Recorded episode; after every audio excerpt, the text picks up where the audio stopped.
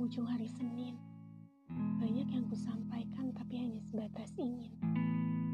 Terlalu mencarut pikiran yang terjalin tentang bumi yang terbaring lemah, dunia yang sedang tak ramah, manusia yang mulai resah, bahkan sebagiannya menjadi serakah. Berat memang menjadi bumi, tempat dipijak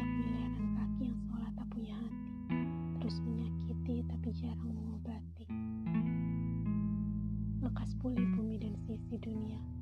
Kembalilah